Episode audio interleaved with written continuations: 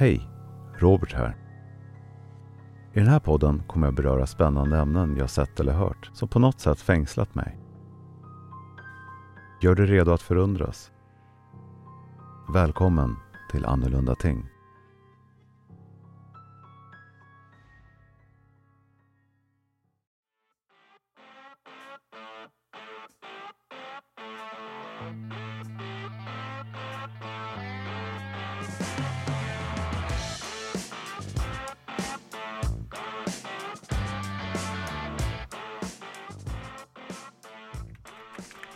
Det var en kväll som vilken annan på Ohio State University Radio Observatory.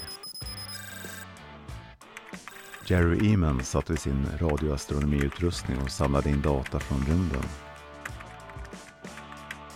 Plötsligt, precis vid klockan 22.16, upptäckte han en stark radiofrekvenssignal som var märkbart starkare än de andra signalerna han mottagit den här kvällen. Han kunde inte tro sina ögon när han såg signalens styrka på sin kartläggning. Den var mer än 30 gånger starkare än någon annan signal han någonsin sett tidigare.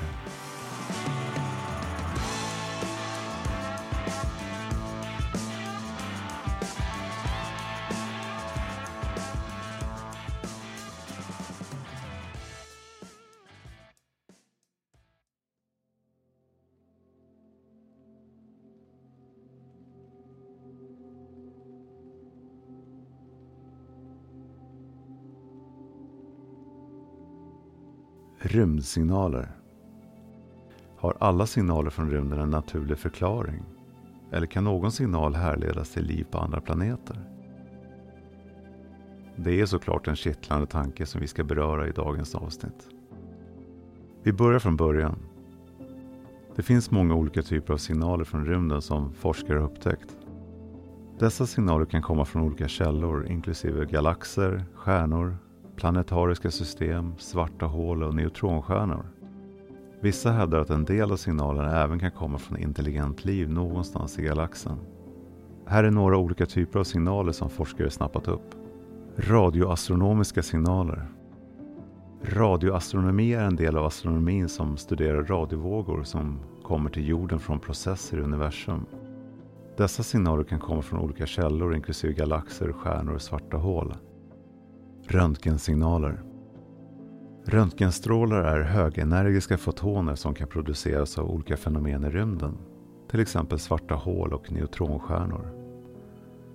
Röntgenobservatorier såsom Chandra X-ray Observatory kan upptäcka och studera dessa signaler. Gammastrålning. Gammastrålning är ännu mer energirik än röntgenstrålar och kan också produceras av olika fenomen i rymden inklusive svarta hål och neutronstjärnor. Gammastrålningsobservatorier som exempelvis Fermi Gamma Ray Space Telescope kan upptäcka och studera dessa signaler. Neutrino Neutrinos är partiklar som sällan interagerar med annan materia och kan passera genom stora mängder materia utan att störas. Neutrinos kan produceras av olika fenomen i rymden, inklusive supernova-explosioner och svarta hål. Neutrinoteleskop som till exempel Ice Cube Neutrino Observatory kan upptäcka och studera dessa signaler.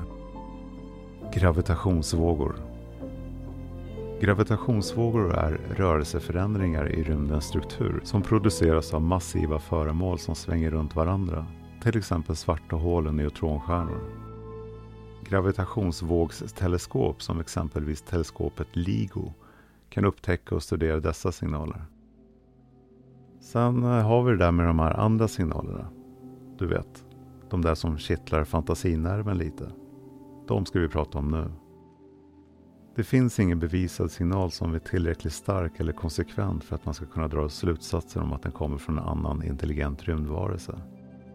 Det finns däremot vissa signaler som har observerats och som fortfarande är oidentifierade och som kan ha kommit från en annan intelligent rymdvarelse. De här signalerna kan nämligen inte härledas till någon känd naturlig källa. En av de mest kända okända signalerna är den så kallade wow-signalen som vi pratade om i inledningen av podden. Som upptäcktes av en radioastronom vid namn Jerry Eman den 15 augusti 1977. Eman observerade en stark radiofrekvenssignal från rymden som var märkbart starkare än de andra signalerna han mottog. Eman blev naturligtvis mycket nyfiken och började omedelbart undersöka signalen närmare. Han försökte spåra ursprunget till signalen men hittade ingen känd naturlig källa. Han visste dock att han upptäckt något extraordinärt och skrev ”Wow” i marginalen på sin observatörskartläggning som en notering om signalens styrka. Efter att Eman hade upptäckt wow-signalen blev han omgående känd inom radioastronomivärlden. Han presenterade sin upptäckt för sina kollegor och tillsammans började de undersöka signalen närmare. Wow-signalen är fortfarande en gåta trots att Eman och hans kollegor fortsatt att försöka lösa den här gåtan under många år. Trots att wow-signalen fortfarande är oidentifierad är den fortfarande en av de mest kända okända rymdsignaler vi mottagit. Kommer vi en dag att få veta vad som orsakar den där häpnadsväckande wow-signalen som Jerry Eman upptäckte den där kvällen? Vad tror du? Avslutningsvis kommer vi nu att spela upp wow-signalen i sin helhet.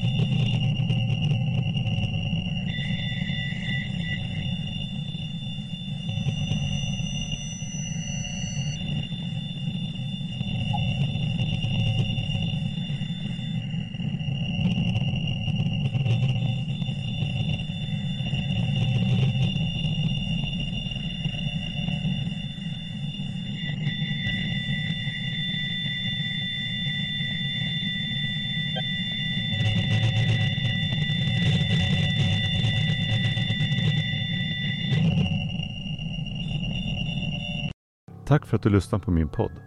Om du tycker om innehållet, berätta gärna för andra och betygsätt också. Det uppskattas väldigt mycket.